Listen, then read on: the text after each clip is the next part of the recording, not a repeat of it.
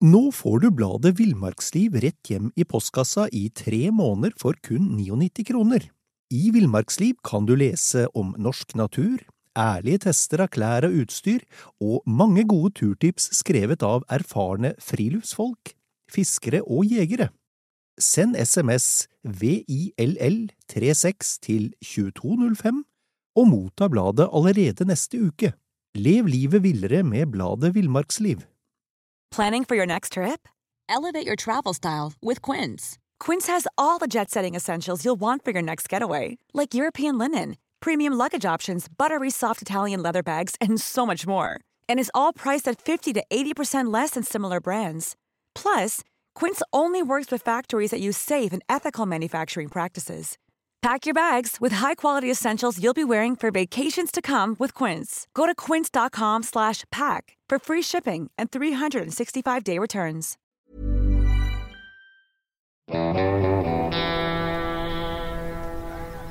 Velkommen til podkasten Villmarksliv. Mitt navn er Knut Brevik, og jeg er redaktør i bladene Villmarksliv, Jakt og Alt om fiske. I dag skal vi snakke om Roald Amundsen. Eh, og, og sammen, sammen, med meg har jeg Alexander Wisting, som i 2011 skrev boka 'Roald Amundsen det største eventyret'. En, en fascinerende beretning om, om, Amundsen som mange vil mene var vår, vår største oppdager og polarhelt gjennom tidene. Med ekspedisjon til Sydpolen som kanskje det mest imponerende vågestykket. Men, men, la oss starte med, med begynnelsen, Alexander. Um, skal vi si noen ord om Amundsens oppvekst? Ja, altså Amundsens oppvekst var jo på én måte tidstypisk. Eh, men samtidig levde jo Amundsen i et miljø hvor han hadde en far som var skipsreder, seiler. Eh, og han hadde for så vidt noe, antagelig et miljø hvor han hadde noe bedre råd enn andre. Men Amundsen var tidlig en fyr som måtte kjempe for ting. Han var en av fire brødre. Han var den yngste. Uh, og han, var et, uh, han var jo en, levde i en gutteflokk, på en måte, i Oslo, etter familien hadde flytta fra Østfold til Oslo. Og Amundsen var jo, lærte seg veldig tidlig det å ta igjen og sånn. Det var jo noe av Amundsens greie. Det er vel en gang hvor han får seg en, uh, et høl i huet eller noe sånt, noe, hvor han går hjem, og da er han ikke gamle karen og henter en øks og løper etter vedkommende som skal, skulle ha utført dette her. Så sies det i hvert fall. Men altså, Amundsen hadde jo en oppvekst som eh, Du kan si at eh, når faren dør, og Amundsen er ikke så gammel da, så skriver han jo etterpå at det var hardt å miste en far som vår. Og Faren var nok en gammeldags mann på en måte, men samtidig får du et inntrykk av at det var en fyr som hadde et forhold til barna sine. Når han var hjemme, hadde han det. Han hadde en mor som i noen grad tror jeg litt var noe kjøligere i forhold til dette. Men midt oppi dette her så sto det jo en annen viktig karakter. Jeg kommer kanskje tilbake til det. Men han fikk en barnepike veldig tidlig som het Betty. Ja. Og Betzy Andersson, svensk jente, var 18 år når hun kom til familien. Det var til en av de andre brødrene. Uh, og i og med at faren var mye ute og reiste, og moren ikke kanskje var så tilstedeværende, så ble Betty ekstremt viktig for Amundsen. Så hun er en av de som er med å forme livet. Og selvfølgelig Brødreflokken er viktig, og spesielt blir forholdet til Leon, den nest yngste, veldig viktig for Amundsen i livet videre. Mm. For, for, det å ha en, en som du sier, en, en, varm far som ser deg, det var ikke noen selvfølge i 1870-åra? Nei, og nå vet vi selvfølgelig ikke akkurat hvordan uh, Jens uh, var. Men uh, det er jo historier om han ute på sjøen hvor han var en ganske hard kar når det ble opprør. og han ble forsøkt eh, drept eh, av eh, slaver som da han hadde under båten. Han, var, han transporterte jo folk rundt omkring. Var en, det var jo en gammeldags tid, dette her, og det var jo en annen tid. og han var en hard mann da, tror jeg. Men Amundsen skriver nå en gang at forholdet til faren var godt. Mm. og det inntrykket forsterkes jo for så vidt av, av de andre også. så jeg vil tro at uh, altså, altså, På en måte var nok Amundsen kanskje likevel privilegert i forhold til veldig mange andre. Mm. Mm. Så altså fire, fire gutter um, med kiving og og, og de, de, de, disse, disse, brødrene På et eller annet tidspunkt så, så bestemte de seg for at Roald var, var oppdageren. Ja, Det er jo litt pussig, men mange av disse prosjektene den gangen, disse polarprosjektene var jo sånne brødregreier. Nansen hadde jo sin bror Alexander som uh, støtta han veldig tett. Han var jurist. Men uh, her var det jo på en måte jeg vil nesten si at de var gründere. Alle hadde det i seg. Eldstebroren gikk det ikke så bra med som gründer, men de tre andre altså Gustav og Leon, ble jo sirkulerende rundt Roald i veldig stor grad. Leon var jo en dyktig mann. Han, ble, han var definitivt en gründer, og han ble jo seinere vinimportør osv. Gjorde jo veldig mye han, han, var jo egentlig Amundsens forretningshjerne. Jeg tror på et eller annet tidspunkt så tror jeg man så at uh, lillebror har et talent og en vilje for akkurat det her, som vi andre ikke har.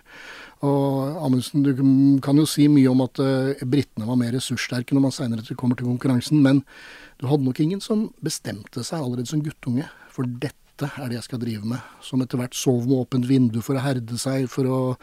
Så han var jo bestemt mot det, og jeg tror man så det talentet. Og dermed så ble jo deler av det de holdt på med, sirklene rundt Roald Amundsens virksomhet. Og det skulle jo vise seg at uh, spesielt dette med Leon var jo en magisk oppskrift uh, veldig lenge. Du har liksom en som tør og våger i veldig stor grad. Mm. Så har du det litt kaldere hodet ved siden av, mm. som absolutt er med å tørre å våge, og han var en friluftsmann, han òg, mm.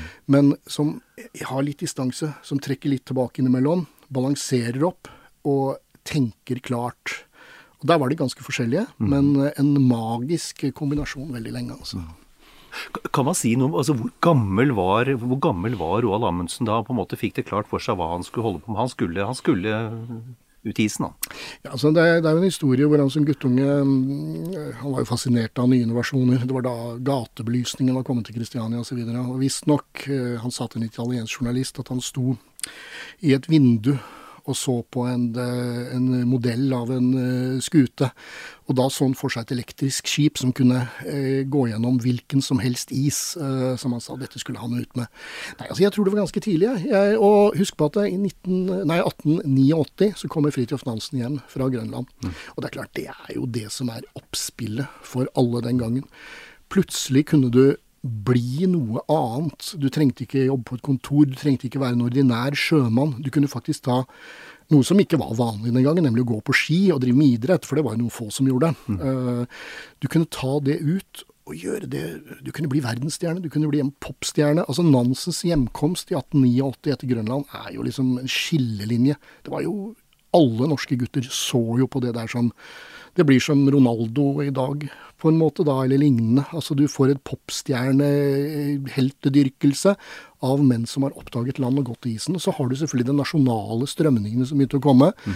hvor Norge skulle sette seg på kartet. Mm. Så jeg tror jo Altså da er jo Amundsen i tenårene når Nansen, eh, Nansen kommer hjem, og det har nok formet seg noe før det òg, men det er klart det er først da man ser at dette er noe mer enn en tur over Hardangervidda eller en hobby eller fritidssyssel man kan ha. Det mm. var big business. Mm, mm, mm, ja, for han, for han nærer en, en, en, en dyp beundring for, for Nansen? Ja, da, altså det var vel ikke en nordmann som ikke næret dyp beundring for Nansen, bortsett fra de som hadde vært med han, eh, kanskje, eh, over Grønland. Eh, da spesielt Sverdrup. På det tidspunktet. Nansen var jo alt. Han var dritkjekk. Han designa sine egne klær. Han gjorde vitenskapelige undersøkelser. Han var forsker av rang. Han var en idrettsmann på toppnivå. Altså, han hoppa på ski. Han gikk over Hardangervidda. Altså, det var vel knapt en ting Fridtjof Nansen ikke kunne gjøre. Og når han til gifta seg med denne sangerinna, Eva Sars, så var jo på en måte Det var jo datidens voldsomme kjendisbryllup. Og det er mm. klart at det, Nansen var godt likt. Nansen var eh, beundret på alle måter i inn- og utland. Han var liksom den vikingkongen, den norske vikingkongen. Så jeg tror eh, Roald Amundsen var en av de som strakk seg til Nansen, selvfølgelig. Mm. Og i boka di så skriver du også at han, eh, han, han prøver å oppsøke Nansen i, i, forholdsvis ung alder, i sånn i offentlig. ja på gata? Ja da, altså, det, det var, han er jo ikke den eneste som gjorde det, for det gjorde jo flere av disse her. Og det å komme i kontakt med Nansen, da var det jo ikke noe andre enn det fysiske middelet. Du kunne skrive et brev, og du kunne komme i kontakt med Nansen. Mm. Da går det jo en stund før Olle Amundsen får den reelle kontakten med Nansen, og da blir det jo via andre som anbefaler hans prosjekt, som det er Nordvestpassasjen eh, litt senere. Men det er klart at han treffer jo Nansen også. Jeg antar at de også traff hverandre under, før Belgika-ekspedisjonen, eh, da Nansen besøkte eh, skuta i Sandefjord også. Mm. Så det er klart, Nansen Det var jo sånn litt Skulle det bli noe innen polarferdsel en gang, så måtte du nok ha Nansens velsignelse på det tidspunktet. Mm, mm.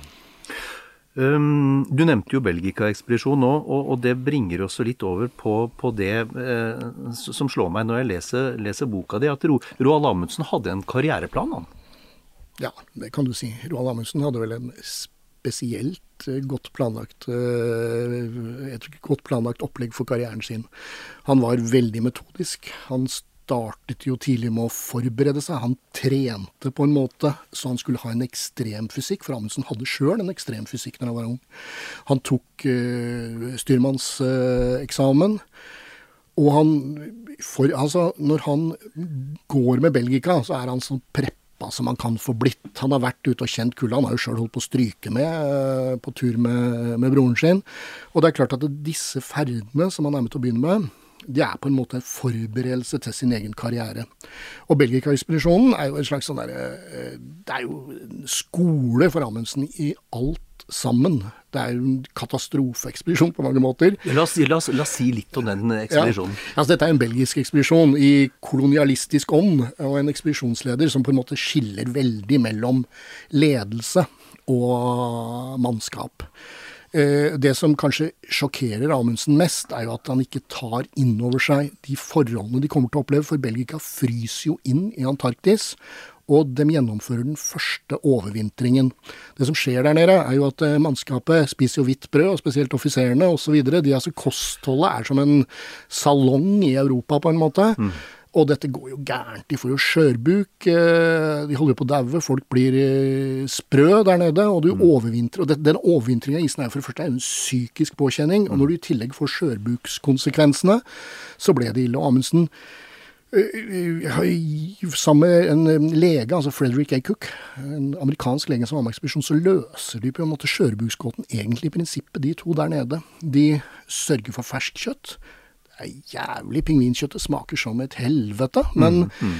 de tvinger seg til å spise det. De drikker blod. Uh, de sørger for uh, ferske ting som da kapteinen nekter å innta. Men etter hvert så får du jo mannskapet til å ta det, og det redder jo for så vidt ekspedisjonen. Når han er der, så får du også prøvd ut du får prøvd ut ski, du får prøvd ut utstyr i veldig stor grad. Og på mange måter kan du jo si at Amundsen Cook redder uh, Diger Laches, som uh, han het, uh, han som var ekspedisjonsleder, sin ekspedisjon. Mm. De kommer helskinna hjem til slutt, har jo mista noen mann. Men for Amundsen er det en virkelig lærepenge. Han ser elendig ledelse utfolde seg. Og han ser liksom hvilke konsekvenser det er. Det er vel sånn at Amundsen faktisk melder seg ut av ekspedisjonen i Antarktis. Uh, og når han på vei hjem er han vel egentlig en sivilperson, mm. men det er klart erfaringene har vært enorme. Mm. Og, og, og, hva er det han ser som For vi skal komme litt tilbake til det med, med, med, med Amundsen og ledelse, for der skriver du en del interessante ting. Men, men, hva er det han ser som svikter, først og fremst på, på den belgiske ekspedisjonen? Det ene er jo selvfølgelig grunnleggende kunnskap om de forholdene man skal inn i. Det er jo det, altså Ledelsen mangler kunnskap. Det er nok ikke at det var noe etterdugelig mannskap, det var det helt sikkert ikke. Og det neste er jo at du ikke tar mennene dine med inn i de planene du har. Mm. Det blir på en måte et diktat ovenfra og ned, og beslutningene da kanskje blir feil. I dette tilfellet ble det jo det. Og kan du si noe av Amundsens styrke seinere ble jo faktisk at han, i motsetning til de fleste andre ekspedisjonsledere, lyttet på mennene sine, og ikke minst involverte dem i planene. Og det er jo noe av innvendingene mot den belgiske ekspedisjonslederen her, som han uh, syns svikter. Men det er selvfølgelig altså metodene og ikke minst uh, ta, ta, konsekvenser av det som skjer når man er der ute. Mm, -hmm. Dette, med, dette, med, å spise ferskt kjøtt, for det er, det er jo som du sier, de løste jo på sett og vis um, sjøbuksgåten da ved å tilføre seg vitamin C gjennom ferskt kjøtt og blod. Um, Hvor bevisst var det? Altså, hva, hva, hva, hva tufta de det på? Altså, Cook hadde jo noen, noen, grad peiling på dette her. For Cook var jo en fyr som hadde vært ute en vinterdag før, bokstavelig talt. Uh, og han kjente jo til Du kan si at det sjøfolk gjorde, var jo å ha med seg sitroner og appelsiner og sånne ting. Så til en viss grad kjente man jo til det. Uh, men uh, du kan si at jeg tror, de, jeg tror ikke noen hadde egentlig erfaring med hvor effektivt det var, det med fersk mat. Og i det hele tatt, det er ikke det noe man alltid har muligheten til når man er de, på de stedene. Men eh, så, så Cooks eh, Jeg tror nok Cook hadde et mer bevisst forhold til For Amundsen var det en læringsprosess. Eh, og det var jo ikke han som løste det, selv om han var de to. Det var på deres turer hvor de løste det, på en måte. Så var nok Cook en fyr som var bevisst på det han gjorde. Det er egentlig en litt undervurdert skikkelse i, i polarhistorien. Mm, mm. Ok, eh, altså hva skal vi betrakte denne Belgika-ekspedisjonen som? En slags eh, videregående? Um. Jeg kan tenke meg det. Det var en slags videregående. Det var eh, før han Det var den, det var den siste Det var foredlinga, på en måte. Ja. Og, og hvor, på en måte, når du kom levende gjennom noe sånt. Og så altså, altså Det var jo du, du, har jo en utrolig erfaring å ta med deg. Mm, mm. Du, du, nevnte også dette, den dramatiske episoden han og broren var ute for i, i Vinterfjellet. Eh, skal vi si litt om det? Ja, altså de er jo på Som de ofte gjorde på lange turer. Og dette var vel det, altså, Temperaturen var jo noe annerledes den gangen enn det var i, var i, dag. Og det har vel seg sånn at når Amundsen la seg ned Og dette er nok litt Det er nok en historie som har blitt skarpere og skarpere etter hvert som den har kommet fram. Når Amundsen legger, legger seg, for eh, de skal skal overnatte, så fryser han på en måte inn i denne Det snør, og de fryser inn i den soveposen sin. Og han mm. er jo på en måte fanga i det den kalte en iskiste. Mm, mm. Uh, og mister kroppstemperatur, og, og du kommer deg faktisk ikke ut. Og nå er det jo Leon som redder broren, på en måte, i den sammenhengen der. Mm. Men det er sånn der, det er jo disse erfaringene du gjorde, ikke sant. Akkurat som Nansen gjorde seg erfaring med dobbel sovepose og to menn inntil hverandre og sånne mm. ting for å holde varmen så er det det er, noe, det er noe du lærer å ikke gjøre. Og Hardangervidda er en sånn Amundsen fortalte jo selv om den historien som en skjellsettende greie for han. Mm. Men ikke minst altså forholdet til broren også er jo en av greia med den historien, tror mm. jeg. Mm. Uh, uansett så trer det jo frem et bilde av en mann som, som bygger sånn erfaringsmessig stein på stein her. Um, han starter, som du, som du, var inne på, med å sove for åpent vindu. Uh, og bygger stein på stein til han fremstår som mer eller mindre kompetent i polare, i polare forhold. Mm, ja da, det er jo eh, Du kan si at det, det, var kanskje en Det var nok en nødvendig metode. Altså litt som vi, vi får litt inntrykk av at nordmenn var liksom i utgangspunktet skapt for dette og kunne mye om det.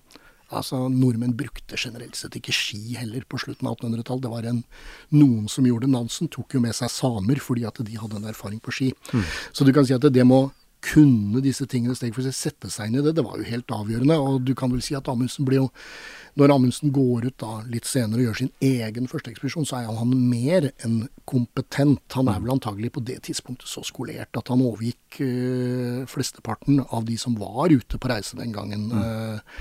Uh, og så kan du jo si at uh, det ligger Bak det hele så ligger det også en plan om et mål, da, til syvende og sist. Oppå, fordi at det å dra over Hardangervidda og lignende ting, ikke sant, det hadde jo folk gjort før. Mm. Så det gjaldt jo også å se utover. Og et annet element med Amundsen er at han er jo veldig god til å sette seg inn i forholdene.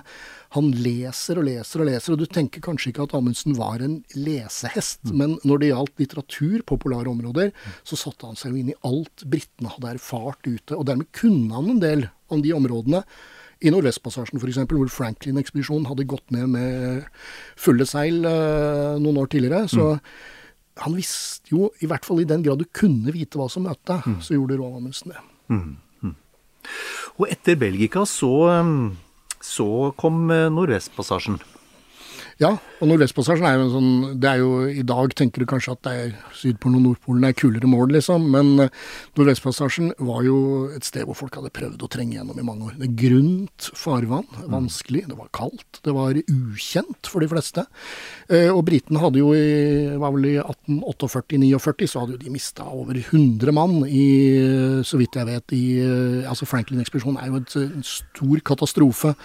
Og på en måte Franklin-ekspedisjonen er litt med sånn derre bakenforliggende teppe når Roald Amundsen går inn. Men det er jo først og fremst en vitenskapelig ekspedisjon, fordi at han skal jo oppdage eller finne, påvise den magnetiske Nordpol. Mm. Og det er jo det som fører han sammen med Nansen. Mm. For Amundsen har jo da på en måte ja, jeg vet ikke, Leon var jo også involvert i det første møtet med, med Fridtjof Nansen her.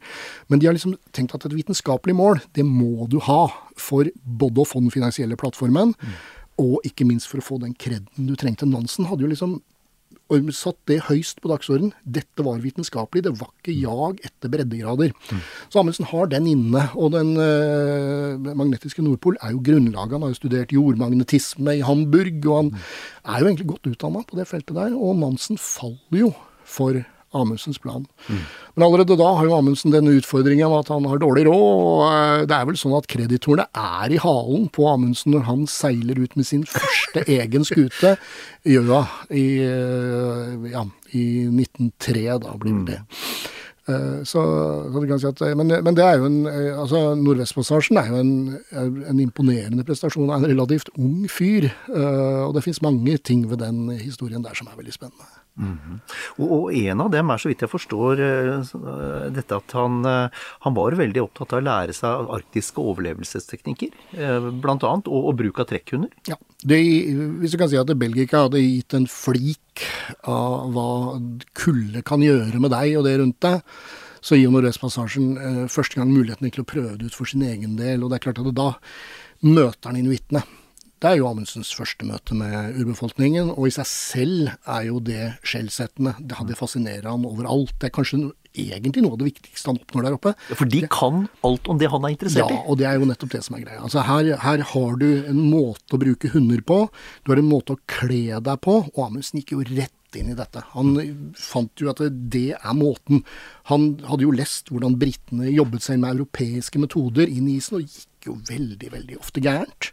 Han hadde jo sett at Nansen, og helt sikkert hørt på Nansen, at Nansen hadde jo tatt dette opp i seg øh, på Grønland. Men det er klart at Amundsen tok det til et nytt nivå. Han gikk inn, Nansen som vitenskapsmann gikk kanskje inn ovenfra og ned. Amundsen gikk nok inn nedenfra og opp. Han innså at han var fullstendig ufullkommen i forhold til inuittene. Mm. Og dermed, her kan jeg lære. Og da fikk du jo testa det ut. Du fikk testa det ut i all verdens fæle temperaturer. Eh, du fikk testa distanser, du fikk testa klesplaggene, hvordan det faktisk virker på deg. Mm. Og ikke minst altså, dette med videreføring av dette med kosthold og sånn. Han, han tok jo det beste fra inuittene og fjerna noe av det dårlige, kanskje, da, på mm. mange måter. Så Amundsen er ung da. Han går jo inn på en måte i Nordvestpassasjen med et slags sånn blanding av overmot, med, men med mye grunnleggende kompetanse. Men lykkes jo egentlig nesten på alle fronter. Han mister vel én mann. Mm, mm. Uh, men, men, Og det er klart, det er jo turbulens i den ekspedisjonen der òg. Du merker jo først at folk har dårlige sider når man kommer i, så tett på hverandre gjennom så lang tid. Mm, mm. men det er klart at Amundsens um, erfaring er jo stor både på lederskap, på, og ikke minst på metodene, reisemetodene, overlevelsesmetodene, og ikke minst altså også sjøferdselen med Gjøa gjennom, eh, gjennom Nordvestpassasjen. Det er jo en annen erfaring han gjør seg når han skal melde om suksessen, som senere skal bli vesentlig for Sydpolen. Det er jo at han går på en telegrafstasjon og gir fra seg et telegram og tror at han skal være alene om denne nyheten, eh, men den sprer seg jo gjennom en utro tjener på telegrafselskapet. Og det fører nok til at Amundsen er litt sånn mistenksom seinere. Så når han senere skal gi fra seg de store nyhetene, så velger han helt uh, andre metoder. Ja. Men uh, altså, Nordvestpassasjen er viktig. Den var viktig på alle måter. Men det er jo sånn pussig sak, for han drar ut med støtte fra én konge, en svensk konge, og kommer hjem til en ny en. Så verden har jo endra seg når Amundsen er borte hos eh, inuittene og egentlig har vandra flere hundre år tilbake i tid gjennom en lengre periode. Mm, mm. Altså, det, det, du nevner jo dette med finansiering, og det, det syns jeg kommer veldig tydelig fram i boka di. At dette, når man skal gjenfortelle historien siden, så blir det de, de polare e, eventyra som kommer i fokus. Men, men, dette var i stor grad også en kamp om penger og oppmerksomhet for igjen å skaffe seg penger. Ja, det jo, dette var jo et eh, altså Disse polargreiene var jo et sponsorprosjekt i veldig stor grad. De var jo kommersielt drevet i den grad at du uh, måtte få med deg folk som kunne betale for eventyret. Mm. Det fantes jo ikke noe stat som i så stor grad gikk inn. Nå gikk man, altså staten Norge for all del gikk inn uh, både med på Nansen-ekspedisjoner og, og, på Amundsens, uh, og i noen grad var det jo litt penger. Nå hadde vel Nansen tatt ut ganske store summer fra statskassa. Og når Amundsen kom som ukjent, så var det klart det var ikke de samme summene han han kunne hente ut uansett. Så det var jo sånn der, Jeg oppfatter jo at det var en pinefull vandring mm. mellom til pengesterke folk. Amundsen likte jo det, men det var jo først og fremst broren Leon som hadde dette talentet.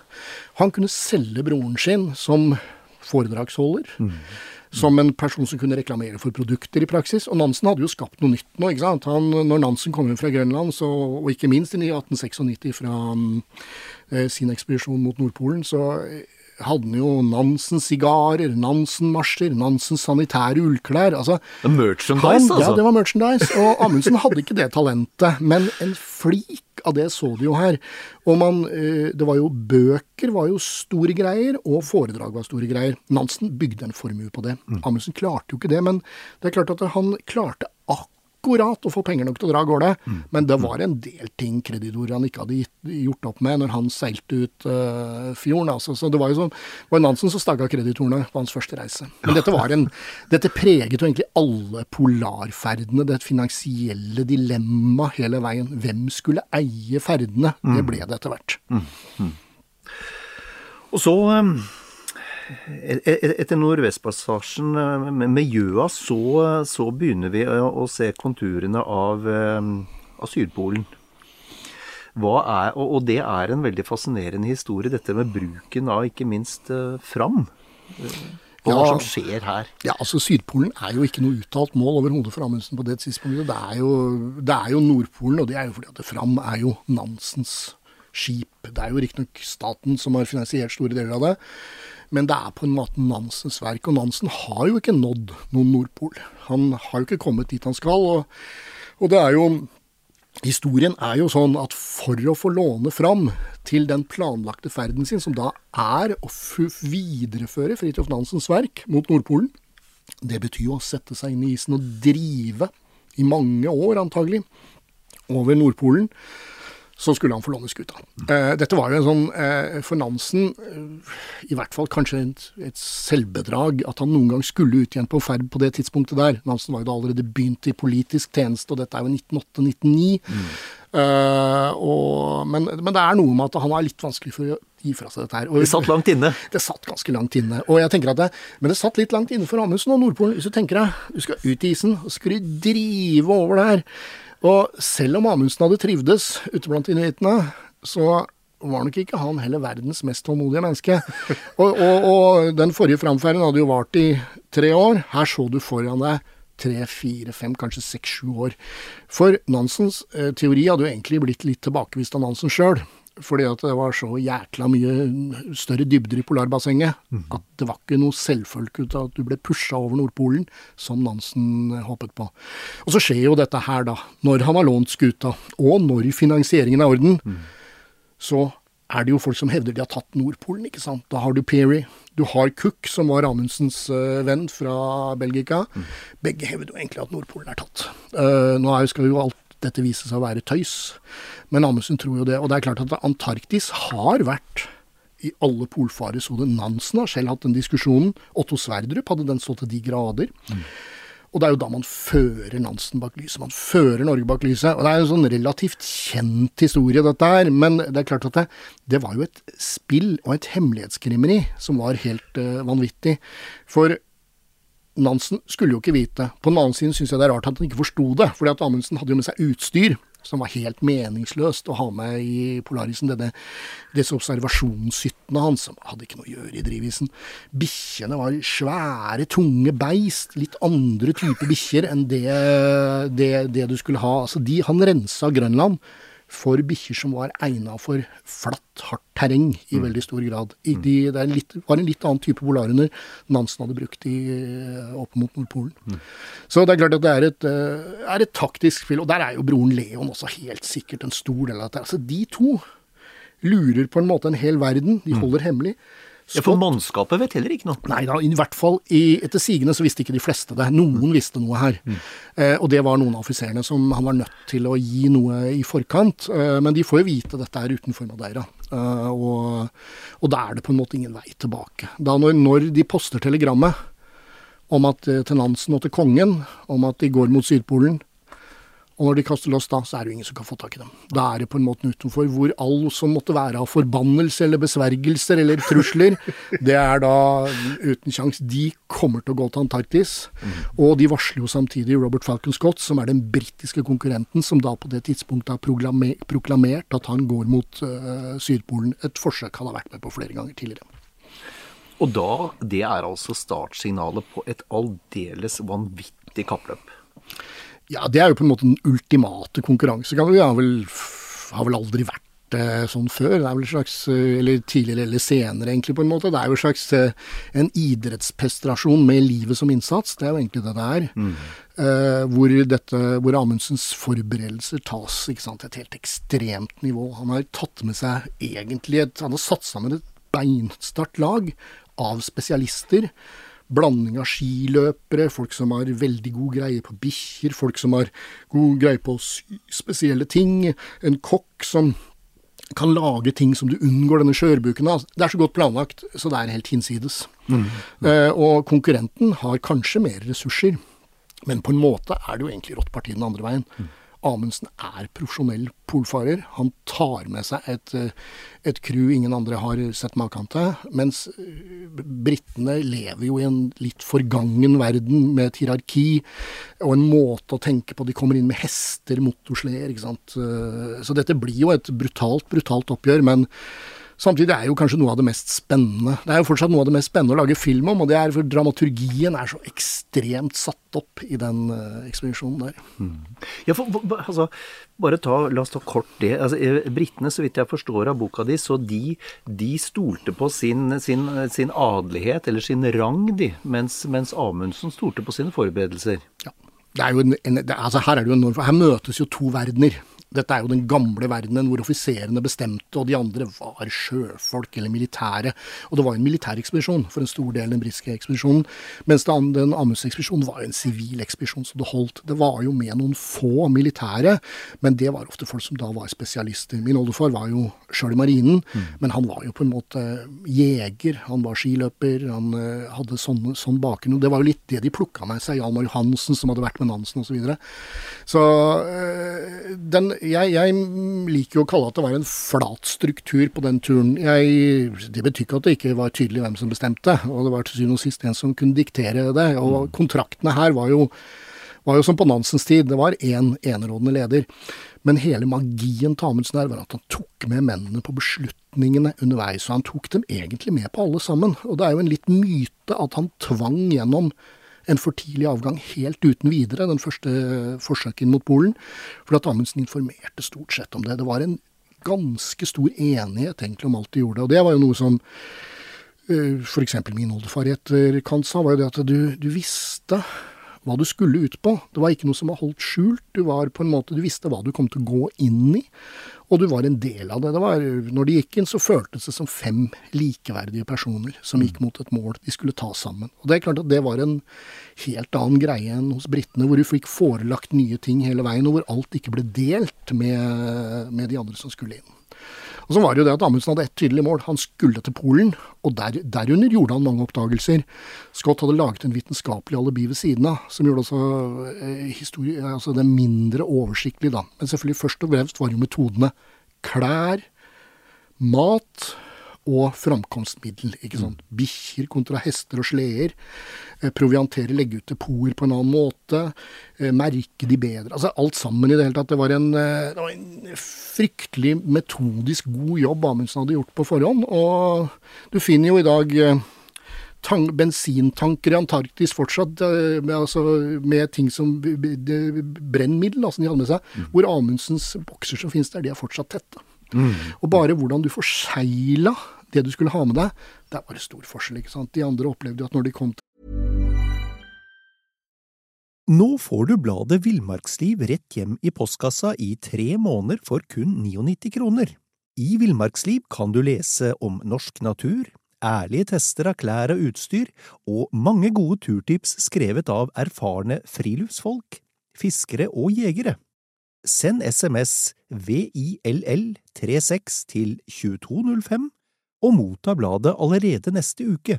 Lev livet villere med bladet Villmarksliv. Mom deserves the best, and there's no better place to shop for Mother's Day than Whole Foods Market. They're your destination for unbeatable savings, from premium gifts to show-stopping flowers and irresistible desserts. Start by saving 33% with Prime on all body care and candles. Then get a 15-stem bunch of tulips for just $9.99 each with Prime. Round out Mom's menu with festive rosé, irresistible berry chantilly cake, and more special treats. Come celebrate Mother's Day at Whole Foods Market. Depot, så var det faktisk tomt. Det var fordampa. Mm. Eh, det var eh, så, så, så, på en måte så blir jo det Det, blir, det var jo Amundsens eh, svennestykke. Det piker jo for Amundsen på Sydpolen, men det er jo jævla dramatisk det som skjer for Amundsen også. Altså, det er jo en marginer hele veien her også i hans ekspedisjon. For, for, for hvor, langt det, uh, hvor, langt er det, de skal nå bevege seg med hjelp av, uh, av hunder og egen, egen, rå styrke? I praksis så er det vel Nå skal ikke jeg være helt bastant på alle avstander, men det er vel, jeg mener vel at man snakker om at det var en skitur på rundt 3000 km altså, fram og tilbake. Tre, 300 mil, da? Ja, mm. sånn cirka. Og det, det, som vel var altså Scott hadde valgt en lettere rute. Han hadde vært der før, egentlig hadde han vært nesten helt inne. Han valgte en rute han kjente. Amundsen valgte en ny rute. Og i det består jo en stigning, fordi at uh, Antarktis er jo slettene ved sjøen. Mm. Det er slettene oppe, men du skal også opp på dette her. Og Amundsen velger jo det som kalte Aksel Heiberg-breen opp, og, og, det er en øh, stor stigning. Det var et helvetes slit. Min oldefar ødela jo hjertet sitt på vei opp. Mm. Uh, og, og, du kan si at det, det, det var jo det, det, det, var et, det, var jo en enormt lang tur. Nå var det mye. Hundene gjorde en del av jobben, men det er mm. klart at det var en skitur, og det var en påkjenning. Det var jo um, temperaturer ned mot 60 minusgrader på det verste. Og det var jo dårlig vær noen ganger, men mm. Mm. i det store og hele det er klart det var en fysisk anstrengelse. Når det er sagt, etter de hadde klart seg gjennom bresprekker, mm. hvor de holdt på å sette livet til, etter de hadde kommet gjennom kan du si, de tingene der, så var det jo en slette inn mot Sydpolen. Så mm. Amundsen hadde jo en sånn følelse av skuffelse når han sto der inne. Ok, du står på en flate. Står ingen og jubler. Det var det. Ok, det var en tomhet, på en måte, det, men han hadde vært først. Og det er klart at det lagde jo et, et Det skapte jo hele grunnlaget for suksessen Amundsen. Jeg vet jo ikke hvis han hadde tapt det kappløpet, hva hadde vi sett på Amundsen som i dag, da.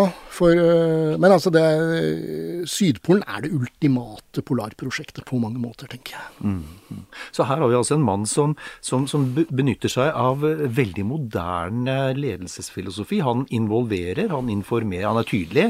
Han er samtidig som en toppidrettsutøver når det gjelder å være nitid i detaljene i forberedelsene.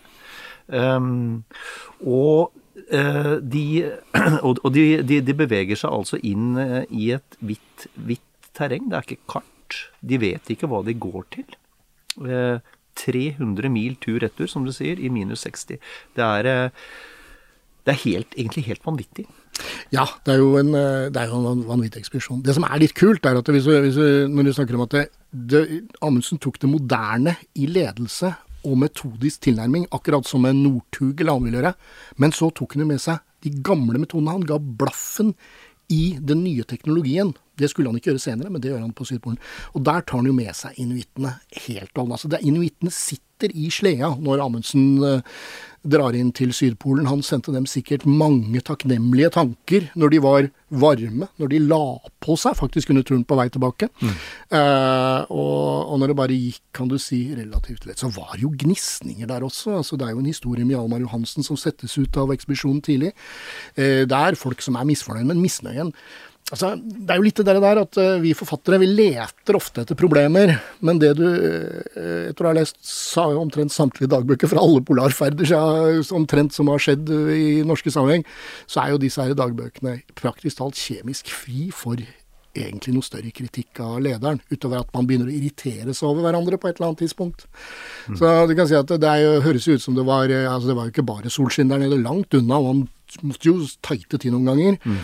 Men uh, ferden er jo en, uh, en, egentlig en oppskrift på et uh, ganske bra ledelsesopplegg. Mm. Og de lå jo før de starta, så lå de jo nærmest Altså, de hadde en overvintring, så de lå jo nærmest i en slags treningsleir. Ja.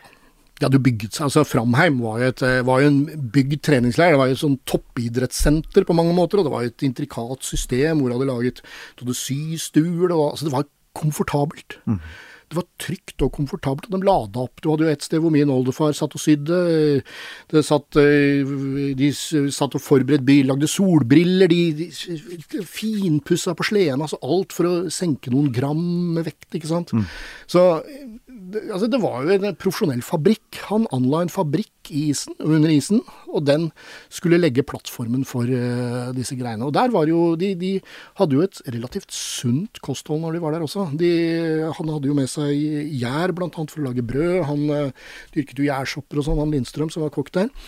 Så jeg tenker at det var jo Det, det gikk helt derfra og, og, helt inn til Polen, så går det linje i akkurat det der som et sånt uh, suksessprosjekt. Jeg er sikker på at toppidrettsutøvere i dag har, de, de, tenker på mye av den samme måten. Amundsen var den første som mm. tenkte sånn, det er jeg helt sikker på.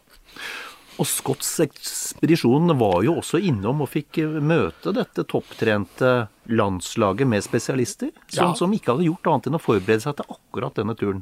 Og hva slags inntrykk satt de igjen med? Nei, De ble jo livredde uh, når de kom uh, Når Tranova uh, legger til Nå er det jo ikke Scotts ledelse som er der, men det er jo en del av de andre ekspedisjonsmedlemmene. Og så var det jo sånn at de skulle gjøre moro av å imponere britene. Oldefaren min forteller vel det at de sto på en høyde, og da pisker de hundene så de ser at de har full kontroll, ikke sant. Så britene er jo veldig skremte når de kommer tilbake og forteller om det de ser. Nettopp de føler at de ser topptretende idrettsmenn. De føler at de ser noen som har virkemidler som kanskje virker primitive, men allikevel sannsynligvis mye mer effektive. Så fortellingen de kom hjem til Scott med, den var jo, eh, var jo på mange måter skremmende. Scott ble jo rett og slett forbanna når han mm, hørte måten de fortalte om det på. Og det er klart at det da, da vektla jo selvfølgelig Scott at han hadde også et vitenskapelig oppdrag. Nå tror jeg det kokte veldig bort i forhold til nemlig det hovedmålet, nemlig å nå Sydpolen eh, først. Mm, mm. Og så må det jo sies også, de hadde jo ganske nådeløs, et ganske nådeløst forhold til, til hundene sine. For de var jo tiltenkt en rolle etter at, eh, etter at, de var ferdige med å trekke, var jo de tiltenkt en rolle som mat, de. Ja, og dette var nok ikke inuittmetoden nødvendigvis. Eh, for jeg tror hunder var mer verdifulle for dem på en annen måte, og de bevegde seg jo kanskje ikke på den måten heller. Eh, dette var et livløst land, det fantes jo ingenting. Inntil et visst punkt så kunne de jo legge ut depoter, og da hadde de jo kjøtt, de hadde lagt ut selkjøtt osv. Men eh, det er klart at denne metoden var jo heller ikke Amundsens oppfinnelse, for Nansen hadde gjort akkurat det samme på vei mot Nordpolen. Han hadde jo et regnestykke på bikkjer, og de, da de jo, var de litt mer brutale, for de kunne ikke sløse bort kruttet på bikkjene, så de tok jo bikkjene med eh, isbjørnspyd eller eh, kniv den gangen. Uh, Amundsen trivdes jo egentlig ikke med det, for Amundsen var relativt bløt når det gjaldt dette med dyr. Uh, men det var jo et regnestykke. De skulle spise de hundene underveis. Og det er jo den Oppe på slakteren, når de er kommet opp i høyden, så er jo den første store slakteren, altså slaktsesongen, da, da skal de jo ta en del av hundene. Mm. Og min oldefar da har jo overtatt som kokk på det tidspunktet, og lager disse hundebiffene som eh, han selv senere sa at han, han har sjelden kjent noe som smakte så godt som etter den dagen der. Men altså da Amundsen går jo inn i teltet, han likte jo ikke det. Han går inn i teltet når de går rundt og retter pistolene mot en del av eh, disse stakkars hundene da som har slitt seg opp så langt. Mm. Eh, den Boller skal jo selvfølgelig beholde en del av hundene, men, eh, men, akkurat, men, akkurat, det der er det sånn Og dette blir jo sett på som jævlig brutalt internasjonalt, men det var jo egentlig ingen sensasjons. Men det var lite tatt opp etter Nansens, uh, Nansens tur, og jeg tror nok også dette ble brukt av britene. For lidelsene til ponniene og Scotts var jo helt forferdelig i forhold til det disse hundene, som tross alt var skapt for å være i dette terrenget. Så inntil de fikk denne kula i pannen, så hadde jo disse hundene stort sett et liv som var i nærheten av det de opprinnelig var ment som. Mm -hmm. vi, vi, må si litt om Scotts ekspedisjon. og Du nevner jo ponnier. Og han hadde jo, han hadde jo tre motoriserte kjøretøyer. Mm. Um, og, og, det endte jo med en tragedie. Kan du bare dra oss kort gjennom Ja, altså Amundsen fryktet jo Scotts teknologi. Han var jo, i hvert fall tyder jo dagbøkene til de andre at Amundsen sitter og hører sledene eh, gå innom motorsledene. Og det var jo egentlig en teknologi som ikke var skapt overhodet for den type greier. Selv i dag har man problemer med den type type framkomstmidler der nede. Men en, av, en av motorsledene lå vel på havets bunn lenge før de var kommet gjennom noe som helst. Eh, Scotts ekspedisjon var jo litt for komplisert. Det var depotutleggingen og alt sammen. Det tok for lang tid. Det var ikke merka godt nok. Og han hadde jo med seg menn som eh, kanskje ikke var like fit for eh, denne, den type reise. De trakk jo, ikke sant. Altså, de, de hadde med seg Trygve Gran som skiinstruktør, men de var dårlige til å gå på ski. Og de måtte jo trekke sledene etter hvert selv på vei innover, etter at ponniene var døde veldig hurtig. Og, og så hadde du jo igjen eh, bespisningen. Altså Scotts menn fikk skjørbuk uh, underveis, og det gjorde jo ikke nordmennene. Så du kan si at du får en helt altså, det, ekspedisjon er jo en fantastisk drama av ultimat lidelse hvor på en måte menn går ut av teltet for å dø etter hvert. Legger seg i en eh, eh, Altså, han mister jo menn underveis. Det ser veldig bra ut en stund. Han tror at dette her er i nærheten av å kunne nærme seg noe. Men så går det jo etter hvert, etter hvert som de møter på en måte dårlig vær Nå sier jo Iga han inntrykk av at de hadde helt annet vær enn Amundsen, og det hadde de jo ikke. Men der Amundsen skriver om at det var fint å gå, så skriver Scott om katastrofe værmessig. Og det er klart at når du må trekke sledene dine for mannekraft inn, så er det klart det virker verre. Og kroppen din tæres ned av et feil kosthold, så er det klart det blir verre og verre. Og når du på toppen av alt kommer på polpunktet, og så finner du et norsk, norsk flagg, mm. og så blir du i tillegg bedt om å være postmann eh, til, til, kongen med et brev eh, fra Amundsen, i tilfelle mm. de ikke skulle komme tilbake, mm. Eh, så er det klart at motivasjonen er jo borte for de som er igjen. Og det var jo en gruppe som Og for all del, dette var jo en altså Dette var jo en fantastisk prestasjon på mange måter, det disse britene også gjør. Mm. Men det er klart at det er, jo en, det er jo et dødsprosjekt som egentlig er et dødsprosjekt lenge før de kommer til det punktet. Mm. Og nå skal det jo sies at de var ikke så langt unna å klare det depotet, de siste som gjenlevende, for å kunne klart seg videre. Men igjen, der Amundsen hadde merka depotene med et system ut for seg som gjorde det alltid var lett å finne og gå på det, så hadde britene merka det dårlig. De fant jo rett og slett ikke depotene sine. Eh, så det er mange ting ved den britiske verden. Så kan jo også tilføres at man dro jo med seg steiner og sånn, eh, og gjorde seg tyngre fordi man skulle ha disse prøvene. Det var ikke nødvendigvis uviktig, men det er jo absurd i den kombinasjonen man øh, gjorde det. Mm, mm. Så, og så får du vel et inntrykk av dagbøkene til, til ekspedisjonen, er jo at mennene er jo svært kritiske det har vært til ekspedisjonsledelsen, mm. som nettopp foregår kanskje på denne gamle måten. Men uh, Scotts dagbøker, det er verdt lesinga. Det mm. er, for det første er det fantastisk skrevet, og det er jo så parfymert lite grann etterpå. Men uh, det er uh, virkelig en rørende og fryktelig historie, hvordan det går under med dem. og derfor så er det jo klart, her skillet mellom tap og vinnere her er jo helt forferdelig. Altså, det var med døden som innsats. Så kan du si at de britiske ekspedisjonene før dette hadde jo hatt en dødsprosent på opp mot 50% Det var ikke noe, altså Når Amundsen og Nansen går ut, så kommer de egentlig opp med noe litt nytt. Mm. De kommer faktisk, Det er sannsynlig at du overlever når du har vært på tur. Mm. Det er noe annet. Mm. mm. Ja, fordi uh, Scotts ekspedisjon de, de, de, fryser og sulter seg jo inn i døden. Uh, mens, uh, og, og, da er jo, da er jo Amundsen på vei tilbake igjen til sivilisasjonen, han i, i skuta si. Mm. Um, og, så, så, så, tenker jeg eh, en, en, en, vanvittig seier, naturligvis. Eh, men, men, så tenker jeg på, på dette møtet hans med, med, det engelske i ettertid. Eh, og da tenker jeg spesielt på det du også skriver om denne, denne talen. Han holder den 15. november 1912 i Royal Geographical Society. Der blir det holdt en tale til Amundsen, og den må du si litt om. Ja, altså lord Curzon, da. Visekonge av India. Uh, som er en del av dette imperiet, som på en måte får seg en smell av uh, dimensjoner. For man kan vel nesten si at Antarktis har vært et britisk anliggende. Uh, det, er, det, er, nesten som at det, Faen, hvorfor gjorde dere dette her, da? Det er jævlig dårlig gjort. Det går an og ta, vi jo og fikla med denne Polen, akkurat som Nordvestpassasjen, mm. så lenge. Og så kommer seilere inn der og tar dette. Med hvilke metoder? Jo mer primitive metoder. Mm. Så på en måte er jo lord Curzon kanskje det verste eksempelet på den kolonialistiske eh, makta som er på en måte tråkka på tærne, mm. og som etterpå prøver å eh, ta ned Amundsens prestasjon på en eh, veldig lite sportslig måte. Mm. Og da er jo hundene selvfølgelig Han skåler jo da for hundene, og i prinsippet ikke for prestasjonen til Amundsen. Han ut utlyser en skål for hundene. Og dette provoserer jo Amundsen vilt. Det er en og, fornærmelse av en annen dimensjon. Og det er en fornærmelse. Og det er klart at det er sånn britiske medier opptrådde også i den perioden, så er det klart at det er en såra stolthet. Man gjorde altså Scotts martyrium til en større og mer edel affære, hvor han egentlig tar med seg alle menn i døden, mm.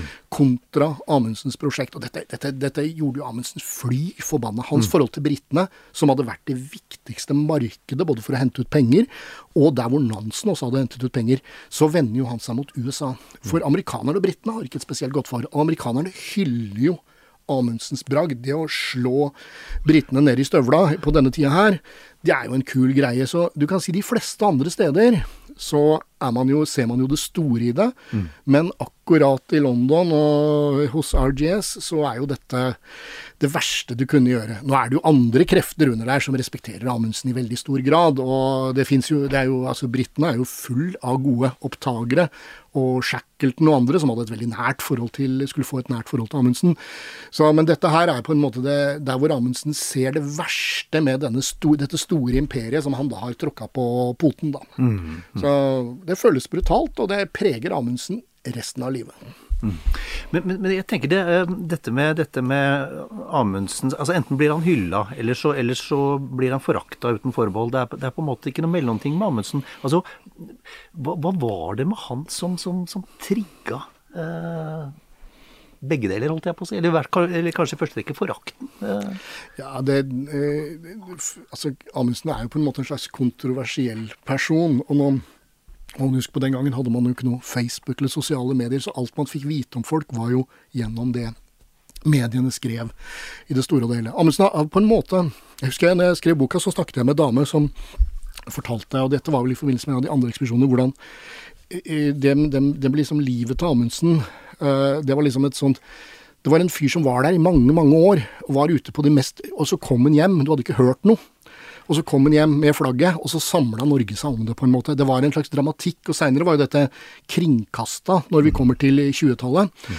Uh, men jeg tror Amundsen provoserte jo mange med, med, tonene hans. Han var jo litt som, og det var jo Leons store bekymring, at han var jo litt som en elefant i porselensbutikken imellom. Hvis han ble såra, så slo han hardt tilbake. Mm. Han slo hardt tilbake i mediene, han kunne uttale seg i mediene. Og mediene den gangen, det var ikke noen pusekatter. Det var mye verre personfokusert enn det er i dag. Og du skulle ikke trå mye feil før de klarte å skape en konflikt mellom deg og andre mennesker. Og her i dette tilfellet spesielt mellom britene og Amundsen, som ble en betent konflikt uh, egentlig hele veien. Eh, og så er det jo dette at Amundsen var radikal. Amundsen var, han ville, Litt lik Nansen, så ville jo han bort fra det danske språket. Han skrev jo som han snakket, f.eks. Mm. Uh, det var mange ting med Amundsen gjorde. I, I 1925 så beveger han seg på ytterste venstresiden av, eh, av politikk, så det holder. Uh, innom, i hvert fall. Det virker sånn. Dette irriterer jo grenseløst Nansen og establishmentet, sånn som på en måte Amundsen er, da.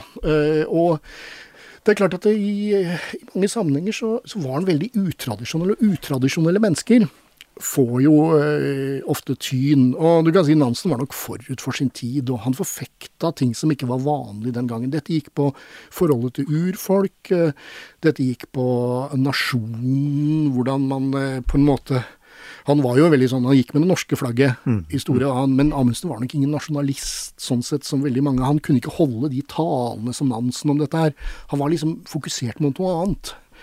Eh, så, så, jeg tenker at eh, Amundsen ja hva, ja, hva, var det Hva var det egentlig som drev han? da? Nei, jeg tror det, det var nok drevet veldig av det. Jeg, det målet, ta det målet, gjøre det Han var nok drevet, kan du si, av en helt egendrift på det. Jeg kaller jo ofte Amundsen mer en internasjonalist på mange måter.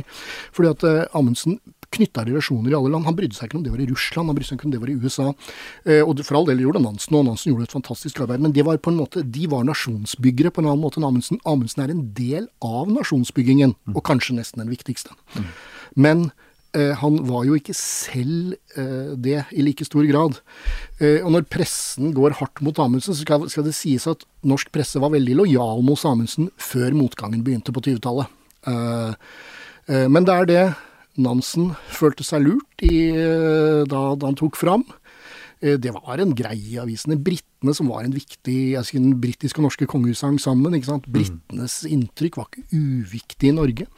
Og så var ikke Amundsen Han gikk ikke i de samme kretser som Nansen. Han kunne ikke bevege seg på samme måte med samme smidighet, samme intellekt som blant forskere, blant uh, det som da var eliten i Norge, da. Så det er nok mulig at Amundsen hadde, hadde en liten utfordring der, og det preget nok det hans forhold til både medier og the establishment, kan du si, i Norge.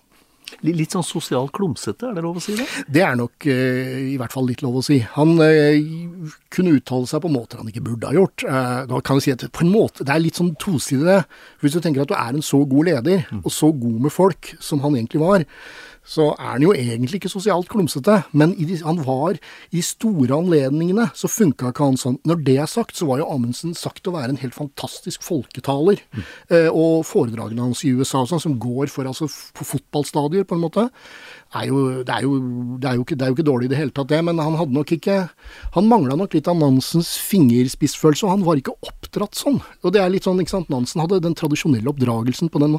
Amundsen var oppvokst med en en eh, jente som eh, tok seg av han mm. etter at foreldrene var døde, altså en eh, barnepike. Og etterpå levde han jo et liv for seg sjøl i veldig stor grad. Og mm. han og broren skapte dette her. Så han mangla nok en del av den Han var ikke polert på samme måten som de andre. Nei, akkurat. akkurat. Du, du tegner jo et veldig Du tegner et bilde av et veldig sammensatt menneske. Um, man er jo vant til å lese om Amundsen som den mørke, usympatiske, men, men du tegner et, et mye mer ja, nyansert bilde. Ja, jeg har jo liten tro på at uh, Amundsen som antagonist, som jo veldig mange forfattere ynder, og dette, dette kommer jo veldig ut av egentlig ettertida. Altså I sin tid så var jo Amundsen Det var jo en litt sånn panegyrisk heltedyrkelse Amundsen å begynne med. ikke sant? Men så kom jo dette ut av 70-tallet, og det er jo Kåre Holt og fiksjonsboken 'Kappløpet'. Og da er det jo en trend for å rive ned sånne folk som har stått på stater og vært på frimerker og sånn. For da veit man ikke så mye mer om dem enn det som var grunnlaget. Mm.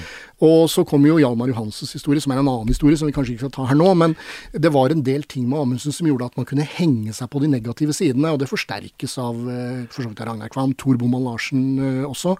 Uh, hvor på en måte jeg syns at de sidene blir altfor Man finner noen små ting, og så gjør man dem veldig store.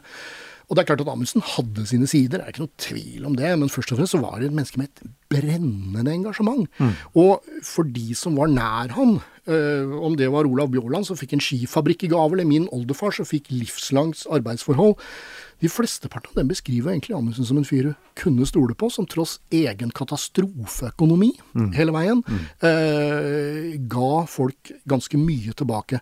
Så har jo Amundsen damehistorier som er spesielle. Mm.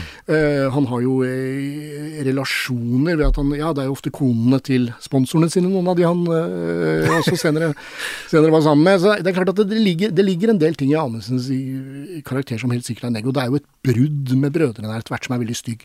Det som var med Amundsen, at han gjorde ting igjen, som vi sa, sosialt klumsete. Litt for åpen scene når han kommer med boken 'Mitt liv som polarforsker' på 20-tallet, da han liksom skal oppsummere verket sitt. Så har han egentlig skrevet gode, rolige, trivelige bøker tidligere.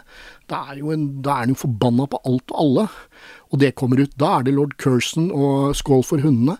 Da er det Nansen som har vendt han ryggen. Da er det broren som har vendt han ryggen. Da ligger det også en eh, luftskipshistorie og en italiensk eh, oberst og Mussolini i bakkant her. Mm. Og på en måte har jo Amundsen et oppgjør med ting. Og så kan du jo si at eh, Nansens liv var et liv i rikdom. Amundsen hoppa etter Wirkola. Mm. Selv om Amundsen hadde alle muligheter og tjente en del penger underveis, så hadde jo eh, Amundsen et liv i en helt annen økonomisk virkelighet. Han gikk jo konkurs, eller slo seg konkurs, eh, på 20-tallet. Og hans liv, i likhet med egentlig nesten alle de andre polfarerne, var egentlig en kamp for å overleve i en mm. stor grad hele veien. Og det er klart, det preger deg.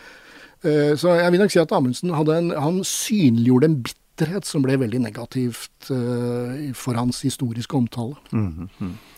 Ja, for, for, det kan vel ikke være noen tvil om at det sånn, sånn i, i, forhold til det han oppnådde eh, så, som, som um, polarmann, så gikk han jo langt forbi Nansen. Ja, altså Nansens, eh, Nansens eh, kvaliteter lå jo egentlig på litt annet nivå. Der ble jo forskningen det viktigste. Mm. Men selvfølgelig også, han hadde jo et uttrykt mål. Han skulle gå over Grønland, det fiksa han jo. Han skulle jo mot Nordpolen, det fiksa han ikke. Og det var jo kanskje fordi teorien var feil. Han gjorde vel alt i sin makt for å gjøre det. Mm. Men Amundsen var jo Du kan si at eh, Nansen preges av en forferdelig utålmodighet når han er ute i isen. Amundsen er litt av det, men ikke på samme måte. Så Amundsen, blanding av metodisk virksomhet, tålmodighet og kreativitet, gjør at han tar alle målene. I praksis når jo ikke Nansen noen. Amundsen når jo alle, til syvende og sist. Han tar Nordvestpassasjen. Han rundseiler jorda som den første. Mm. Han er først på Sydpolen, og han skal jo vise seg senere å være først over Nordpolen. Mm. Mm. Ja, fordi altså, vi må jo vi, han, han, tar jo Nordøstpassasjen. Han, han, flyr jo med flyene N24, N25 Nordpolen. Um, du har luftskipet Norge fra Ny-Ålesund um, over Nordpolen til Teller i Alaska. Um, og, så kommer Uh, og så kommer holdt jeg på å si, avslutningen uh, til, til, til, Amundsen, denne redningsaksjonen. Uh, mm. Skal vi si noen ord om, om hvordan, hvordan, et holdt jeg på å si, fantastisk liv avsluttes? Ja, altså nå kan, kan du si at det, den avslutninga kommer jo egentlig enden på mange måter av et langt løp. Hvis du kan si at Maud-ekspedisjonen er jo for Amundsen fiasko. Det tar alle pengene hans. Det er store vitenskapelige resultater, men det knekker han fullstendig. Mm. Så reiser han seg med disse flyene som går inn i isen. Det er et even, internasjonalt eventyr. I USA så følger folk den ekspedisjonen på Når Amundsen kommer tilbake ut av isen, så er det en sensasjon. Så kommer luftskipet. Og luftskipet Norge er jo på en måte en kjempetriumf. Det var vel da når han kom tilbake etter å ha da vært over Nordpolen, fysisk kasta det norske flagget ned over Nordpolen. Dessverre konstatert at det var ikke noe fastland der oppe, som han jo hadde håpet på. Eh, så er jo Amundsen folkehelt igjen. Han er virkelig det. Men bak denne ekspedisjonen her, så ligger det store kontroverser. Og det, er, det vi ser er egentlig emninger av en ny tid. Det er nasjonalismen i Italia. Det er Mussolini og en Det er jo italienerne som eier dette skipet i utgangspunktet. Og det er en italiensk oberst som heter Nobile, som kan dette luftskipet. Han skal også være med å føre det, og i første omgang så ser jo alt bra ut. Du trekker med deg de beste norske folka, som Hjalmar Riise Larsen. Eh, du har Amundsen der. Han har henta med seg igjen min oldefar fra de andre ekspedisjonene, nok mest som en sånn nå skal du få være med på Nordpolen også, eh, kanskje, men han, en, han betjente jo høyderoret. Og han, det er en ekspedisjon som er veldig sammensatt. Det er mange nasjoner med, og det ble veldig uoversiktlig for Amundsen. Og for Amundsen her er vel mest det derre Han er jo fortsatt kraften til å drive det gjennom, men det er klart, når de skal over, når dette luftskipet først kjører gjennom Europa, så er jo ikke Amundsen med. Men når de kommer til Ny-Ålesund, så er jo Amundsen der. Da tror jo Amundsen at noen andre har tatt Nordpolen, for da sier jo eh, Bird, som akkurat akkurat da flydde inn og er der oppe. Han sier jo at jo, men jeg har vært inne. Det viser seg å bare være tull seinere, for han hadde ikke drivstoff nok til å kunne vært der. Men Amundsen gjør den ekspedisjonen, for det er viktig å se er det nytt land her nede. Det er den første observasjonen av det, så det er ikke viktig. Men Amundsens rolle i denne ferden er jo egentlig veldig mye om Han sitter på en stol og ser ut. Så kaster han og Oskar Wisting ned flagget, tar hverandre i hånda, og så kaster de ned flagget. Eh, når seieren eh, Når dette skal skrives etterpå, så kappes jo alle om hvem har æren. Og det er jo her den store krangelen oppstår. Mussolini i Italia, eh, fascistisk regime på vei oppover, skal ha sin del av æren. Denne obersten blir pusha foran på en måte som det, selv om han ikke er noen fascist på noe vis i det hele tatt. I Norge så er det jo krefter bak som også mener noe av det samme. Amundsen blir satt litt på sidelinjen i sin egen ekspedisjon, selv om han tross alt får æren for bragden etterpå. Mm. Så prøver jo italienerne Mussolini vil ha en egen italiensk ekspedisjon. Luftskip Italia går, oppover, eh, går opp for å gjøre egentlig det samme som han har gjort. Da, men de skal, så, det, var jo, det, var jo, egentlig en, det var jo for å Nå skal vi ta det selv. Nå skal vi vise at det var vi som egentlig gjorde det. Eh, og dette, det luftskipet går jo ned isen. Det styrter jo isen. Og på en måte så får jo Amundsen og Nobile, da, som egentlig var dødsfiender Amundsen hata Nobile, kanskje litt urettmessig, fordi at det var nok ikke Nobile som selv sto bak dette, dette greiene. Han hater Nobile så sitter han ute på, ut på Bygdøy i forbindelse med en eh, det er vel en Aftenposten som arrangerer en middag, tror jeg. Det er til ære for noen amerikanske flyvere da, som har flydd eh, De, vel, har vel flydd over Nordpolen, tror jeg. Eller i hvert fall gjort en uh, fantastisk ferd. Og da kommer nyheten. Nobel er savna i isen. Hva skal vi gjøre? Og da kommer jo journalistene spør jo Amundsen, som sannsynligvis har drukket litt, kanskje er litt full. Mm. Uh, han sitter der, han, jo, han, har jo hatt kreft en periode, han er ikke helt i solslag. Uh, men han sitter nå der, og han svarer da 'right away', jeg kommer. Uh, og da blir jo Amundsen litt statist allikevel i en redningsaksjon. En helt unødvendig. Det er mange, mange folk på vei oppover for å redde, redde Nobelet. Mm. Men uh, Amundsen blir en del av noen som får franske penger, og dette er jo da denne, et, dette flyet Latam, som for så vidt er et flott fly, og med et ganske ungt mannskap. Og de flyr inn for å redde Amundsen. Min oldefar er jo da som vanlig skal være med på turen, mm. men det er for tungt flyet, så han blir bedt om å gå av i Bergen og møte Amundsen i, uh, møte Amundsen i på Spits... Nei, han går av i Tromsø, er det vel, og så blir han bedt om å møte Amundsen på, i Spitsbergen. Han venter, og vi har sett bildene av Amundsen som går på eh, går om bord i dette flyet her, før han, eh, før han, ser resignert ut av en eller annen grunn. Jeg tror ikke han eh, Han, han regnet nok ikke med at dette skulle gå gærent, men på et eller annet tidspunkt så styrter jo dette flyet her. Mm. Det har vært mange teorier at det styrter på land og det sklir ned eh, i vannet osv., men eh, det forsvinner i hvert fall ute i vel det man kaller Nordishavet. Mm. Uh, og det er, da er jo Amundsen 56 år, er han vel? Og, 1928, er han det? Ja, 1928. Og han blir jo for så vidt ikke gammel, men han dør altså under en helt meningsløs redningsaksjon. Mm. Nobel blir jo reddet etterpå av en eh, Det er vel en svenske som observerer det. Det er jo Otto Sverdrup også med på den eh, redningsaksjonen. Uh, og på en måte blir det en slags sånn heroisk siste greie. Da. Han drar ut for å redde sin verste fiende, på en måte. Mm. Nå var nok som sagt ikke de egentlig noen dødsfiender, men uh, det er klart at det blir en sorti som passer for historiebøkene, mm. selv om det er jo en tragedie. Og det mest tragiske var jo at han hadde jo omsider funnet seg en dame han skulle gifte seg med. Mm. Bess Maggots er i Oslo, er på vei inn for å møte sin forlovede. Og så forsvinner Roald Amundsen. Mm. Og det er jo masse redningsaksjoner. Folk, spekul folk, spekulerer jo den dag i dag om Roald Amundsen forsvant og takka for seg og satte seg i en båt og reiste videre etterpå. Men selvfølgelig, det er Amundsen dør i uh, Nordishavet med Latam. Det er ikke noe tvil om. Og det er jo på en måte det er jo en slags sånn fullendt magisk historie, da. Mm. Det hadde jo vært eh, selvfølgelig kanskje nesten kjedeligere om han etterpå satt og ble en eldre mann og memorerte om dette. Så på en måte blir jo dermed Amundsens livsverk helt mytisk, på en måte. Han kan jo aldri seinere kommentere det. Spekulasjonene kan jo pågå i år etter år om både hvem han var, og hva han mente, osv. Men mm. nei, det er, en, det er en dramatisk avslutning.